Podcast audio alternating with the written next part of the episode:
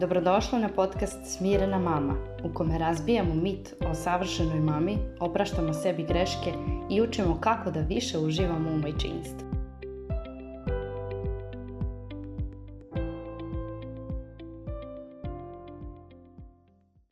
Zdravo i dobrodošli u novu podcast epizodu. Ova epizoda je drugačija od ostalih.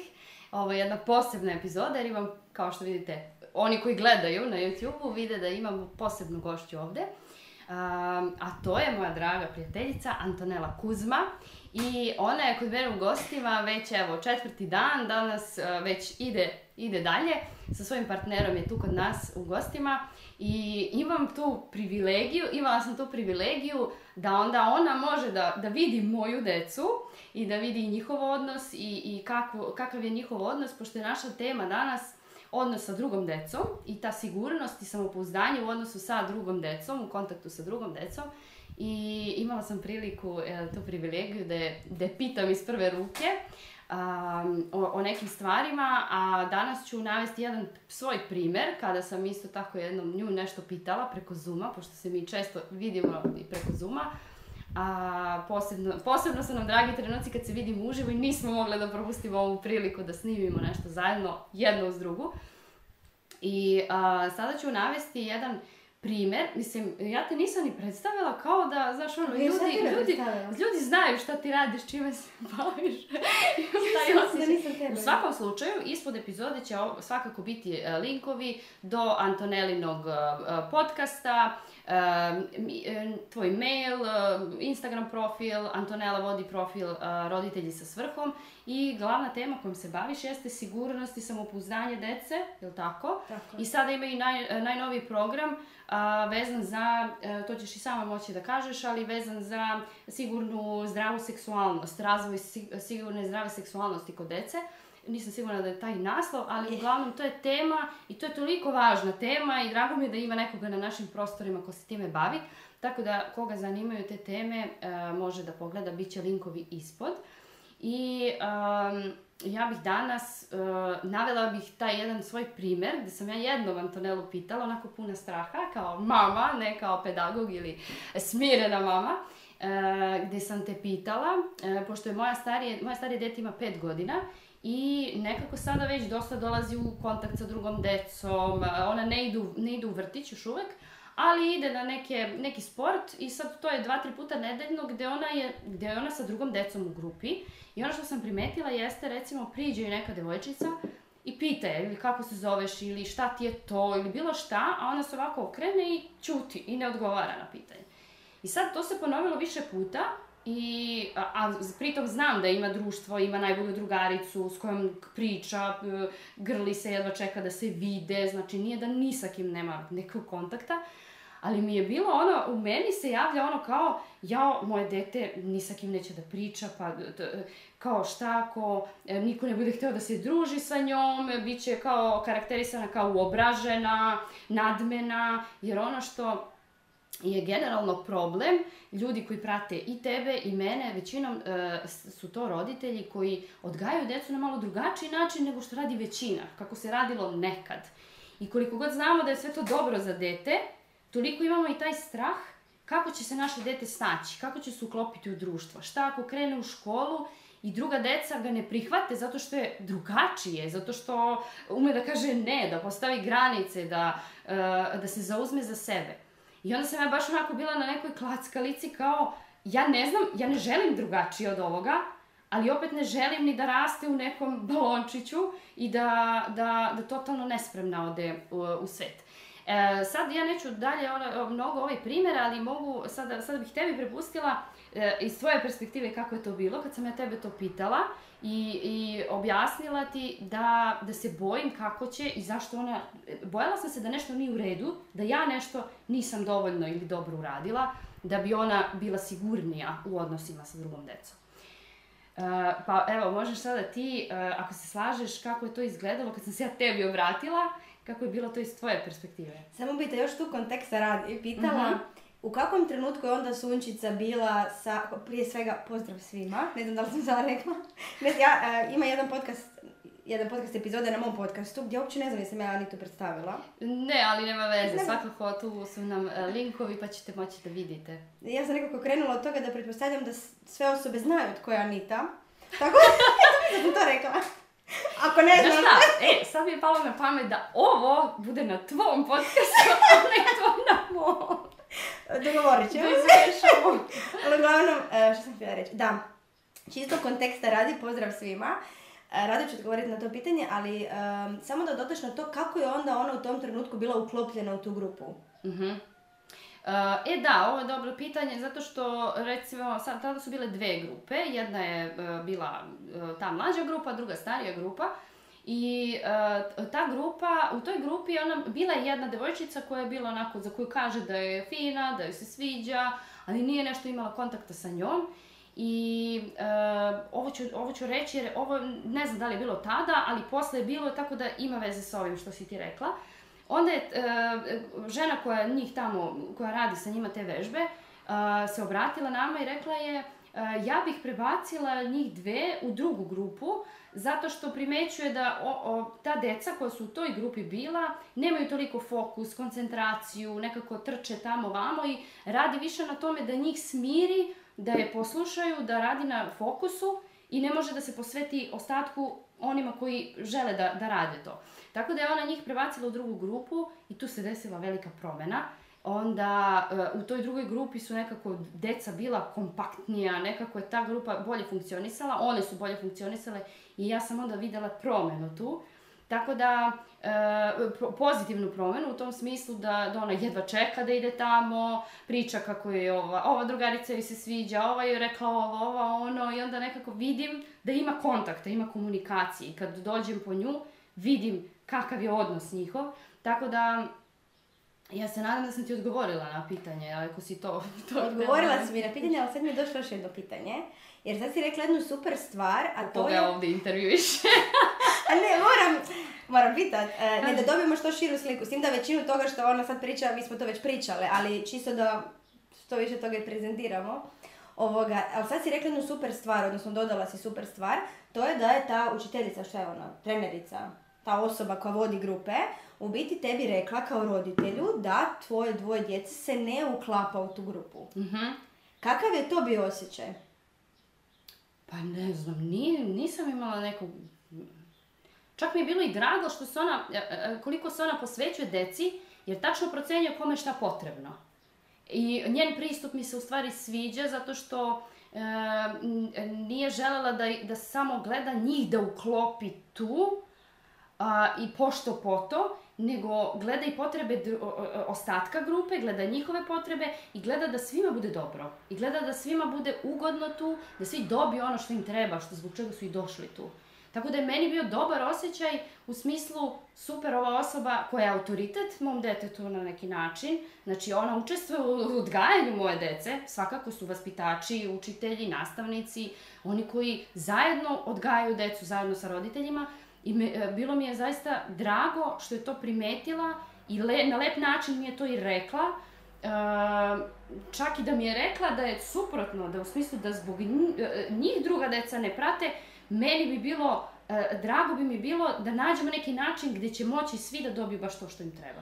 Tako da meni je bio dobar osjećaj. To si sad rekla super, jer u biti to je definicija pripadanja.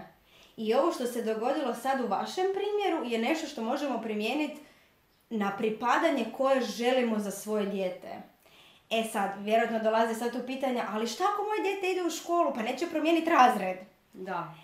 To je sasvim u redu, ne mora dijete pripadat, nama nikad nije cilj da nam dijete pripada svugdje gdje ono jest, nama je cilj da dijete ima mjesto gdje ono pripada. I recimo i kod zlostavljanja u školi ili bilo gdje u mlađoj i starijoj dobi, ja se primarno bavim djecom od rođenja već pa negdje do školske dobi, ali u vrtiću, u ranoj školi kad radim s roditeljima, ako dijete ne pripada u školi, jedan od prvih koraka nam je pronaći mjesto gdje pripada. Znači to može biti nekakva aktivnost, bilo što. I upravo ovo što si ti sad rekla, sve ovo što si rekla, to je u biti pravo pripadanje.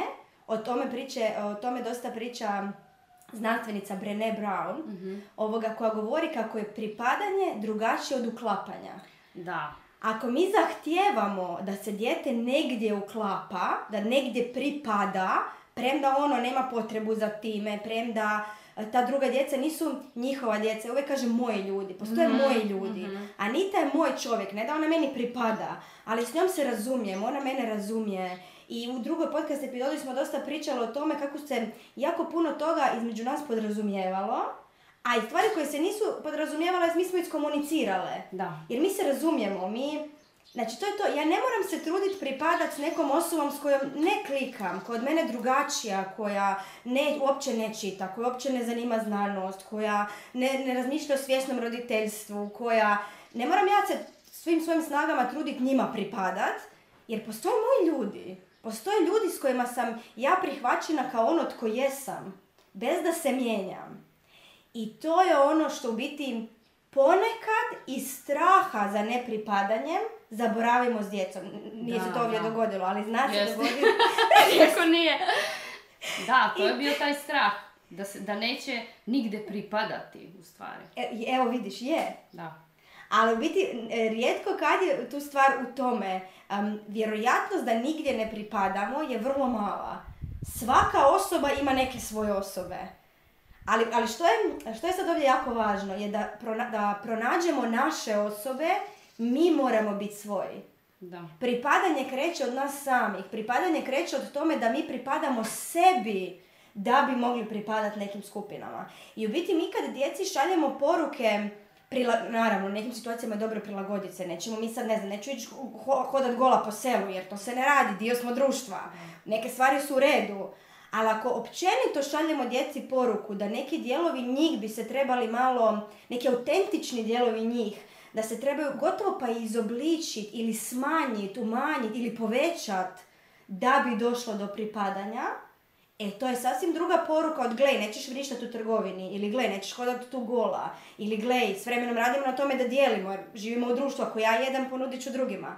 Sasvim, druga, e, sasvim su dvije različite poruke što se ponekad miješa, postoje neka društvena pravila kojih se pridržavamo jer smo dio društva i postoje dijelovi tebe, autentični dijelovi tebe koje ne moramo ni umanjivati, ni smanjivati, ni previše mijenjati da bi pripadali. Mi možemo raditi na sebi jer želimo biti bolje verzije sebe, ali znajući da i time što imamo sada, to je sasvim dovoljno da imamo naše ljude. A onda je sve bonus. Da. I sad to vodi prvo pitanje koje sam te pitala, u biti kad je meni Nita rekla to, prvo pitanje koje sam ja postavila Niti je bilo što ona želi. Ima li ona ikakvu želju pripadati toj skupini? Se sjećaš toga? Sjećam se, da. Da li ona uopšte želi da priča sa, sa svim tim ljudima, sa ovom tom decom?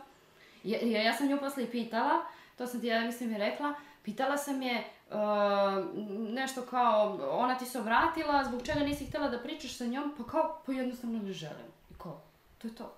Ja, ali kako, znaš, kao, ako ti se ne, to je ono, znaš, moje uverenje, još uvijek je tu toliko jako tu, gdje kao kad ti se neko obrati, ti moraš da mu odgovoriš, da budeš pristojan, lepo vaspitan, dobra devojčica i slično, i onda, eh, zaista mi je izazovno, vrlo teško, da ja sada prihvatim da je ok da ona ne časka sa svima, da ne mora da odgovara svima na sva pitanja i dokle god je ona pristojna u tom smislu da nikoga ne vređa, nikoga ne maltretira, zlostavlja i slično. Znači, ona je ok sa svoje strane, ne mora da priča sa drugima.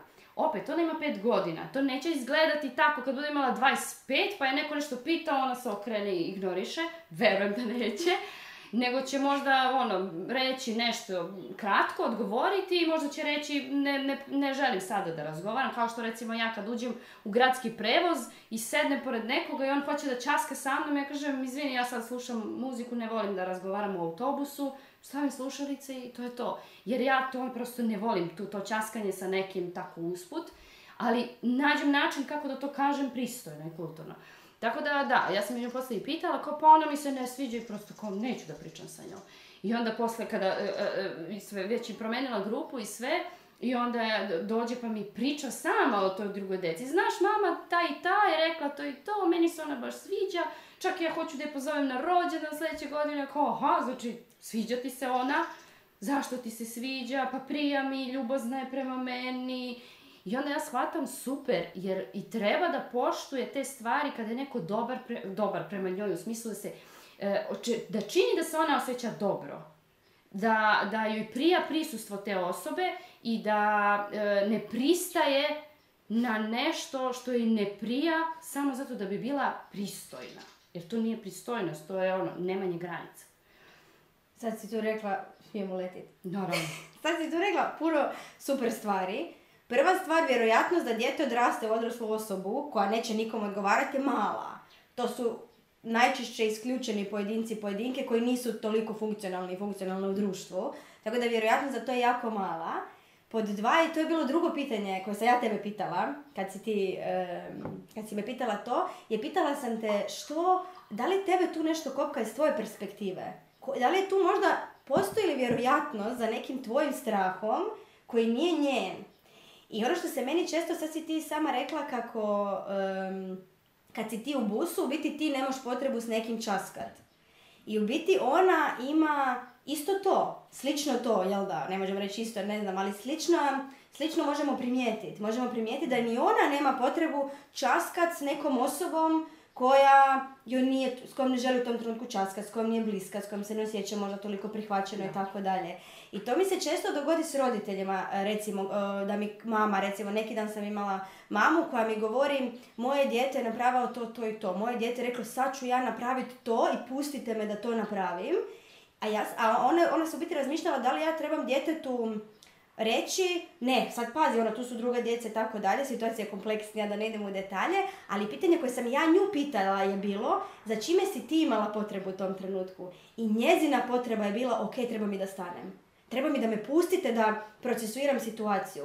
I ono što, se, ono što se nama zna dogoditi je da naše dijete radi nešto što u biti za čime mi imamo potrebu, ima li ovo smisla? Da, da, da. Za čime mi imamo potrebu da, da napravimo, a Djece kao da ima dopuštenje koje mi nemamo. Da. I onda nemamo... Nismo imali, izvini, nismo imali, u detinstvu i nemamo ga ni sada, treba sada da, da naučimo da ga sebi damo. Da osvijestimo sebi to dopuštenje. E sad, ništa od ovog ne znači, ovo je jako važno, da ćemo mi sad djetetu dopuštati sve. Znači, dijete mora imati i pravila i granice, uh, učiti se ponašanju, kako bi se reklo u nekim situacijama. I to je ona razlika koju smo već prošli. Znači, to sam već rekla. Razlika je ako učimo dijete da bude funkcionalni dio društva i razlika je da učimo dijete da ide preko sebe u tim situacijama. Ali ono što si i treća stvar koju si rekla, super, sad pokušavam sve, sve ovo. Treća stvar koju si rekla, super je da mijenjamo sebe, da ne očekujemo od djeteta da u situacijama mijenja sebe.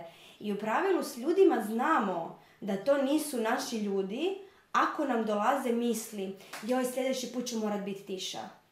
Sljedeći put, danas ide, odemo od neke osobe, kažemo nešto i onda osjećamo neku anksioznost joj, pa sad sam to rekla, pa što će ta osoba misliti o meni, kako će sad ta osoba mene vidjet, sljedeći put ću morat pazit ili plakala sam, joj, pa plakala sam, morat ću malo više paziti s tom osobom ili moram biti glasnija kako cijelo vrijeme sam bila tiha, sljedeći put moram paziti da ja jasnije kažem. Ako imamo potrebu da sebe mijenjamo, ne zato jer želimo to, jer mislimo da će to biti naša bolja verzija, nego zato jer će nas onda ta osoba prihvatiti. Zato jer ćemo se onda mi osjećati manje loše s tom osobom ili osobama, vrlo vjerojatno to nisu ti naši ljudi. Da.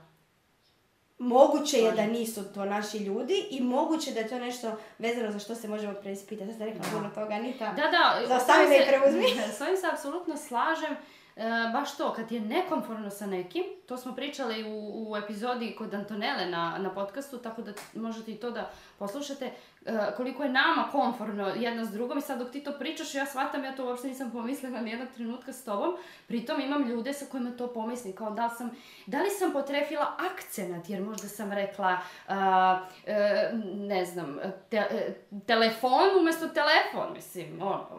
I onda kad paziš na svaku reč, paziš na svaki ono kako sam prekrstila noge, da li mi se nešto ovdje, da li sam čupala, da li, bukvalno sve, od izgleda preko govora do nekog ponašanja, kada e, paziš na svaki korak, onda nisi ti ti, nisi svoja, nisi svoj i ne možeš uopšte da, budeš sa nekim. I, baš to je super, e, super poruka jer zaista meni cilj da, da njima prenesem, sad pazi ovo, hoću ja njima da prenesem nešto sa čime ja nisam rasla. Jer ti kad si me to pitala, meni je bio taj strah da se neće, jer ja sam imala uvijek osjećaj kao crna ovca, znaš, ona crna ovca u društvu, nekako se ne uklapam, ne, bih radila neke stvari koje svi rade, e, ne zato što kao ja hoću da budem drugačija, nego jednostavno nije mi prijelo. Naprimjer, znaš, ono, sediš u društvu i sad kreću, ono, svi pale cigarete, nude mene, ja ne želim. I nikad nisam uzela zato što bi mi drugi nametali to da se ja sad uklopim tu. I tu imamo sad ono kada, sad sam ja roditelj i sad želim da budu svoje, želim da e, budu sigurne u sebe, da kada im e, neko nešto ponudi ili ih pita ili ih tera na nešto, da one mogu da donesu odluku iz svog integriteta. Znači, ili hoću ili neću. Ako hoću, onda hoću. Ne zato što mi je neko to nametnuo, da bi se nekome svidala, da bih se nekde uklopila, nego zato što ja to želim, bez obzira na to što je to možda totalno luda i pogrešna odluka, ali je njihova. Ili ja to ne želim, prosto zato što ne želim i šta god da se desi, neće me ubediti da, da to uradim. I to sam vaši podelila u jednom newsletteru kada su njih dve, moja deca imala neki, nebitno, neki konflikt i sada ta jedna rečenica koju je Sunčica starija rekla mlađoj, ja sam ovako odlučila, i ti možeš i da plačeš i da se smeješ i šta god hoćeš možeš da radiš, ali ja neću da promenim odluku. Ja sam tako sada odlučila. I ona je bila totalno onako asertivna, postavila granicu, to kako ćeš ti da reaguješ na to nije moja odgovornost i ja sam konforna s tim. I nekako je to meni ono dalo, dalo dobar, e, kao, e, da, znak da idem u dobrom smeru. Da ostane pri svojoj odluci koliko god se to nekome ne svidelo, jer nije naštetila nekome, nije naškodila, nije e, e, bila ni gruba, ni e, nasilna ili šta već. Tako da sad ono, da ne širimo priču, ali to je u suštini to, taj strah gdje ja nisam bila prihvaćena. Ja, nije stvar u tome da ja nisam bila prihvaćena.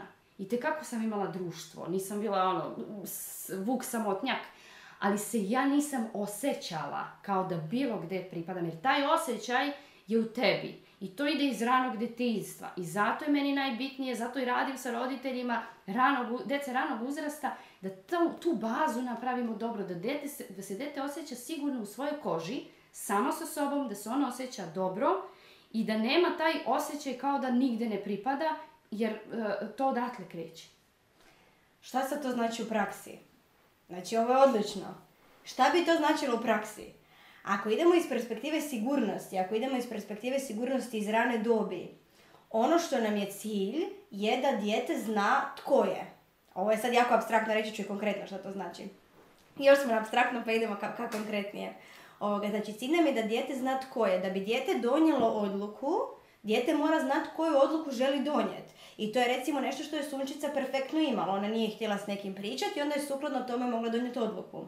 Djeca se ponekad nađu i u nekim kompleksnim situacijama i odrasle osobe, da se razumijemo, gdje ne znamo ni što želimo u tom trenutku. Mhm. I ovo se jako često događa i kod odraslih osoba, pogotovo odraslih osoba koje se to nije učilo, odnosno sva djeca to imaju u početku, ali kod kojih se nije poticalo da, da to nastavi rast i onda imamo odrasle osobe i ja sam prva bila takva gdje meni stvarno treba neko vrijeme da ja uopće vidim što ja i kako hoću da bi ja, jer ja ne znam, jel da? da?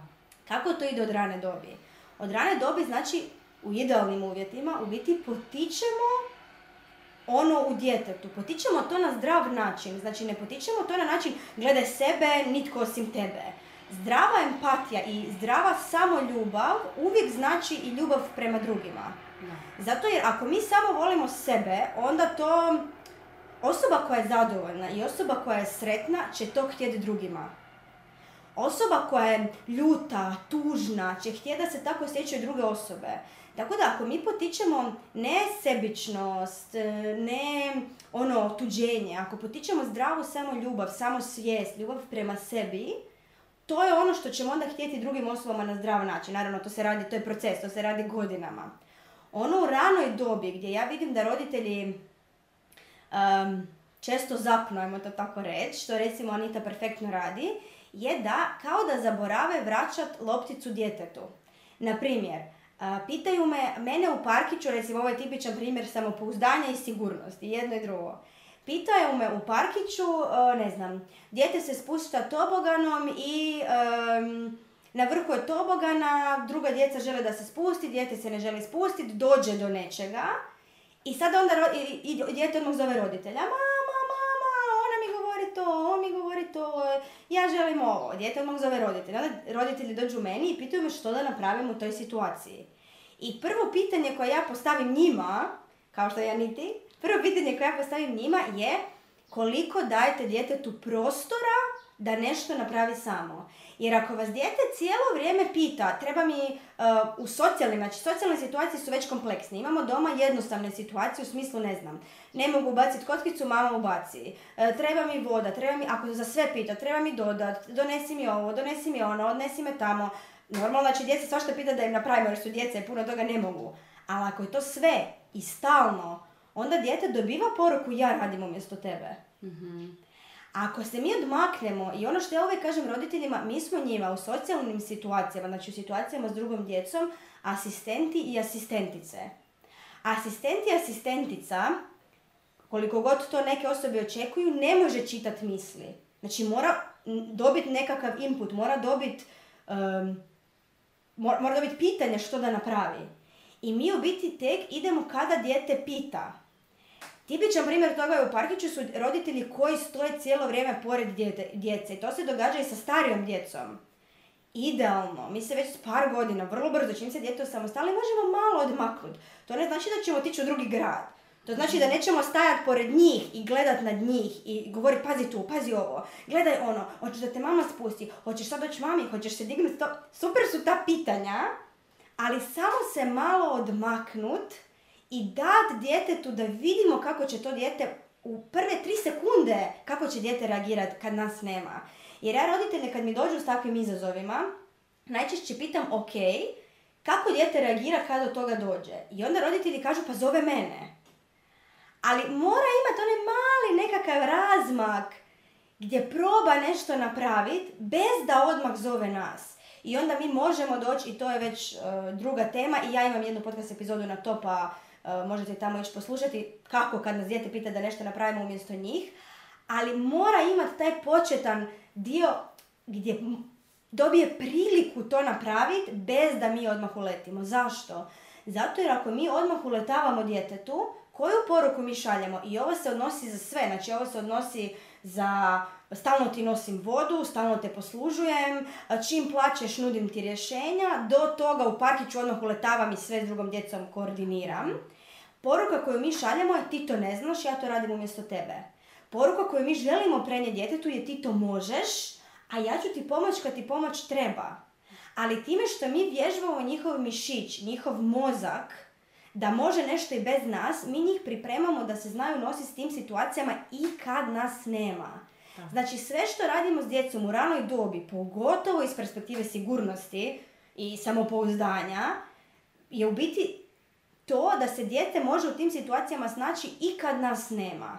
Jer ako mi odmah uletavamo, dobivamo suprotno. Znači prva stvar je malo se odmaknut, a druga stvar koju možemo početi uvažavati je vraćati im lopticu u smislu pitanja. E, mama, mogu li preći preko, ne znam, mogu li uzeti ovaj cvijet? Što ti misliš? Da, to često imam, da. Od najranije dobi i dijete onda tu ne mora dati odgovor, i ovo je jako važno, ne, moramo, ne mora uvijek dijete nama dati odgovor. Ono što mi u tim trenucima radimo i vježbamo taj način razmišljanja. Tako da kad nas nema i kad dijete pomisli mogu li ovo podignuti sa e, da dijete ima to pitanje, a s vremenom će im to pitanje doći vrlo brzo, mogu li? A ne da gleda, a tu nema nikog što da sad radim, a dignut ću nema nikog super, ne, niko me ne nadgleda, nego da ima to mogu li. Unutrašnju neku um, kontrolu, rekla bih, kontrolu, autoritet unutrašnji i rješavanje rešavanje problema i donošenje odluka, donošenje ispravnih odluka.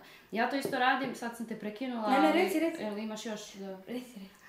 Uh, isto radim, recimo ako ne znam, uh, uh, neka, rupa ili kanal i sad me dete pita kao, mama jel mogu ja ovo da preskočim? Ja kažem, pa ne znam, jel možeš? ja ne znam da li ti možeš. I sad ono, meni je recimo ok da to preskoči, jer nije sada da me pita da li može da skoči sa drugog sprata zgrade. Nego ono kao ok, i ako padne neće se ne znam šta povrediti, dete je dete i treba da pada i da nauči da ustaje i da pada i da se snađi i da bude spretno. I onda ona stane i gleda i nekad kaže, mm, ipak ne bih. Ili mogu i preskoči. Znači, sama za sebe donosi tu odluku. I to su te male odluke gdje mi vežbamo u stvari na tim malim stvarima dok su tako mali, da ne bude ono sve radimo umjesto njih, ništa im ne dozvoljavamo i, sve, mi razmišljamo umjesto njih i onda se, dođu do, i do škole i, gdje moraju da donesu odluke sami i ne znaju šta će. To ono što si pričala baš. Upravo to. I, a ovo se idealno radi u ranoj dobi. Mislim, ovo su samo par trikova, ali ako se samo to napravi, ogromna je razlika. Jer onda imamo poslije kompleksne situacije gdje djete ima razvijen taj mišić, mogu li. I sad naravno mene tu roditelji pitaju, ne znam, a što ako je rupa na cesti? Ma ako je rupa na cesti, trčim, dižem dijete. Neću ja dugo šta ti misliš, idemo pogledat, mislim. Da, da. To su... Nego, to su, kad je izvanredna situacija, onda je izvanredna situacija i onda dolazimo, dižemo dijete i govorimo, to je to iz tih i tih razloga. To je onda drastična sigurnost, tu više nema pregovora. Ali ovako nekim situacijama, neki kanalići ili nekakva jednostavna pitanja, vraćamo lopticu. Znači, što je više moguće, a ovo je jako izazovno. Meni prvo je ovo jako izazovno, odmaknut se. I mi kad smo tu došli prvi dan, ko ne znam da mislim, Senka bila, mlađa da je bila, i otvarala je neku knjigu. I e, mi kupili smo im knjigu s onim prozorčićima. I ovoga, i sad, e, a ja sam htjela vidjeti šta je ispod tih prozorčića, nisam gledala. I ja sjedim do nje, ja govorim imaš prozorčić. I meni na to partner govori, pusti je, sama će, sama će ga naći. Kad ga nađe, naći će ga. Joj, joj, joj, I ta koregulacija je bitna, o tome smo isto pričali u prošloj epizodi, da. o koregulacija Nite njezinog partnera koja je fenomenalna. na njenom podcastu. Na drugoj epizodi. Ovoga, ali, aha, ok, ok, tu sam trebala stat. Naravno da neću uvijek stat, jer čovjek sam i reći ću neki put, odmah ću dati odgovor i onda ću se poslije misliti, oj, pogotovo s djecom doma kad smo doma kad me pita sto puta, mogu sad ovo, mogu pojest, mogu otvoriti ovo, mogu pogledati ono, mhm. mogu ići van, mogu ovo izvaditi, mogu sad ovo crtat, mogu izvaditi šljokice, ne možeš šljokice. Mislim, neki put može, ali neki put nemam kapaciteta za šljokice. Ali nekim, ali kad god mogu, trudim se, ajmo provući šta ti misliš. Ne znam, možeš, ovo što je rekla Anita. I odmaknut se i pustiti ih. I primjer je isto tome, ja kad sam, radila na tom svom otpuštenju, jer meni je bilo jako teško otpustiti, ne znam koliko još imamo vremena, ti Anita, pa? Evo sad ćemo još malo. Meni je bilo jako teško otpustiti. I onda sam tamo radila na svom otpuštenju i to, a partner i malo mi su gledali televiziju. I ja sam se vraćala, sam tamo radila na otpuštenju. I oni gledaju neki film, ona je sad već starija, oni sad gledaju ono dugo... To se izvini, ali bila si na terapiji ili... Da, da, da, bila sam na svojoj terapiji, na svojoj psihoterapiji, ja sad radim na otpuštanju. Mhm. I ja sad govorim svoje psihoterapeutkinji koliko toga ja želim kontrolirat kad je tu dijete. Jer kako će dijete nešto shvatiti, kako će ona to povezati, kako da sad to predoćim, što ako dijete to shvati ovako ili onako. I sad ja sam se totalno izgubila u svemu tome skupar, kako da djelujem na sve to nikako. I onda okej, mi sad radimo na tom otpuštanju. I vratim se i njih dvoje gledaju neki film, više ne znam šta je bilo. I ja sjednem i meni misli, ovo je sad njoj tiho, ona ne razumije šta se tu priča. Kako, kako sad, sad, i sad moje misli, hoću uzet, hoću reći njima da pojačaju, ili ću ja uzet daljinski pojačat, nema treće. I onda, okej, stani, pusti, pusti. I ok, onda sam ja sad tu se najprije malo smirila i onda sam je pitala, hej, ti treba pojačati. I ne, sve je rješeno, ali njezina je bila odluka, njoj je vraćena loptica. I to je jako izazovno u svakodnevnom životu, meni prvo i to treba vježbati, vjerujem da nije niti do nije prelako. Da. Teško je pustit, ali što im više pustimo, znači svaki put kad pustimo, svaki put kad vratimo lopticu, svaki put kad postavimo pitanje, svaki put kad im damo taj maleni prozor da uspiju nešto, barem razmisliti što bi, da krene, da se da krene da se da proces u mozgu, vrte da, se te možda vijuge. to je jedan od temelja samopouzdanja i sigurnosti u ranoj dobi. Evo, se uspjela zaključiti? Fenomenalno. A ja sam, znaš šta, htjela da dodam i, iz onog roditeljskog aspekta, to je čoveče, koliko ti je lakše kad ne donosiš hiljadu milion odluka tokom dana. E, ono kao, šta, izaberi šta ćeš da obučeš, e, znaš ono, kada nešto pita ne znam, slobodno odluči sama i onda rasteretiš sebe, zašto bih ja sve držala? Nema potrebe da sve držim i meni je mnogo lakše tako i plus, ono, win-win, njima daješ, sebi ono, olakšavaš situaciju. E, je, fenomenalno mi je bilo sa, sa, ovaj razgovor sa tobom i ja bih za kraj samo ovaj, e, da zaključimo kako sada izgleda ona sa početka, ona moje ja Antonela, znači ona ni sa kim ne priča šta ću, kako ću, niko neće odbacivaće bit će crna ovca. Eh, evo, baš smo jučer o tome pričali jer smo išli eh, eh, u neki park sa igralištem i sad mi smo seli, klopamo, naručili smo neko piće, mi odrasli sedimo, a djeca su otišla malo dalje koliko je to bilo, nekih 50 metara od nas, ali su nam, vidimo i znači uvijek nam je to ono, da te vidim, da me vidiš, dalje od toga nema. Ali nismo non stop uz njih, ono što si pričala. I u samom jednom trenutku vidimo kako sunčica priča sa nekom devojčicom, sede, ljuljaju se zajedno na ljuljašci i onako gledam, znači, eto, koliko to sad i u stvari prirodno došlo, oni se skontaju, kliknu. Jednostavno, s s neka deca joj priđu, ona neće da priča s njima, nekoj deci sama priđe. I onda vidim koliko se sve to polako menja, jer i ona sazreva, ona odrasta i ona sluša sebe pre svega. I, onda mi je to ono, još dodatna potvrda bila super. Ne mora svako da ti se svidi, ne moraš svakome da se svidiš. To je nekako nešto što ono, stalno sebi ponavljam, prvo sebi, a onda da, da i one to znaju da rastu sa time u stvari. Definitivno. Mislim, ono na što bih ja skratila na jednu rečenicu, sve što smo mi danas pričali, a to se odnosi na sve, pa tako i na samopouzdanje to je što je veća sila, veći otpor. I o tome smo isto pričale. Što mi u pravilu dijete više guramo? Idi, pričaj. Dijete može to neki put napraviti s grčem da nam godi ili možemo mi dijete i kažnjavati svašta nešto pa će dijete napraviti. Ali ako želimo da dijete autentično to napravi, ta sila, guranje, idi, probaj, reci, ajde, pa vidiš da te pita, pa ajde ovo, pa ajde ono. Mi uvijek možemo predložiti i pustiti. Jel hoćeš? Ili hoćeš ili možeš reći ako želiš. Ili ne znamo da li je čula pa ćemo reći ej pitate tu neko nešto nekad nebitno. Ali sila, guranje, idi, idi, idi, u pravilu, i to ja svojim roditeljima, ne svojim roditeljima kao svojoj mami i tati, nego roditeljima s kojima radi, da. jako često ponavljam kad mi govore neće na baze, neće na baze, neće. I onda govorim ok, šta ste radili, onda krene. I govorim ok, što je veća sila, veći je otpor. I onda govori, joj, pa onda smo bili i kod babe i opet sam ja. što je veća sila, veći otpor. Idemo u nekakve druge sfere, ali čisto to isto uzeti uzet u obzir i povezati s tim nekim glavnim stvarima koje smo rekli. Da, treba sebi ponavljati sve ove stvari definitivno jer i mi učimo nekako to, tu bih zaključila u stvari, mi kao roditelji učimo. Mi ne znamo sve ovo, znači niko se nije rodio sa tim da zna sve, jer uvek kad misliš da znaš sve, savladala sam ovo, ide nova faza. I onda opet učiš kako, šta. Naročito kad imaš, više dece, sa prvim ti je sve prvi put. I onda sve ti je novo i onda posle ti je lakše i opuštenije. Ali da samo sebi smanjimo taj pritisak. U stvari da sebi na, sebi ne vršimo toliku silu, nego da, sebe malo oslobodimo tog pritiska i da onda pustimo malo da, da, da naučimo nešto, da usvojimo neke nove stvari i da e, prosto mi rastemo zajedno sa decom. Rastimo zajedno. Rastimo zajedno. to ja uvijek kažem na kraju podcasta. Pa da, jer to mi je nekako, da, ja rastem zajedno sa, sa svim e, roditeljima sa kojima radim, s kojima sam u kontaktu, sa svim koleginicama, prijateljima, prijateljicama, e, sa, sa porodicom, sa, sa mužem, sa svojom decom, sa svima nekako imaš neki poseban odnos i svi nekako dobijamo iz tog odnosa i rastemo zajedno. To je to.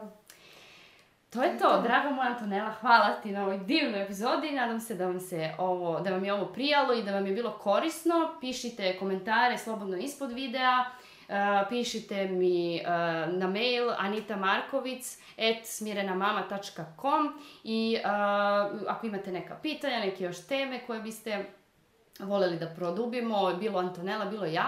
I ovdje će biti dole linkovi e, do, do, e, profila, e-maila i do neke sljedeće e, zajedničke epizode. Pozdravljamo vas! Pozdrav!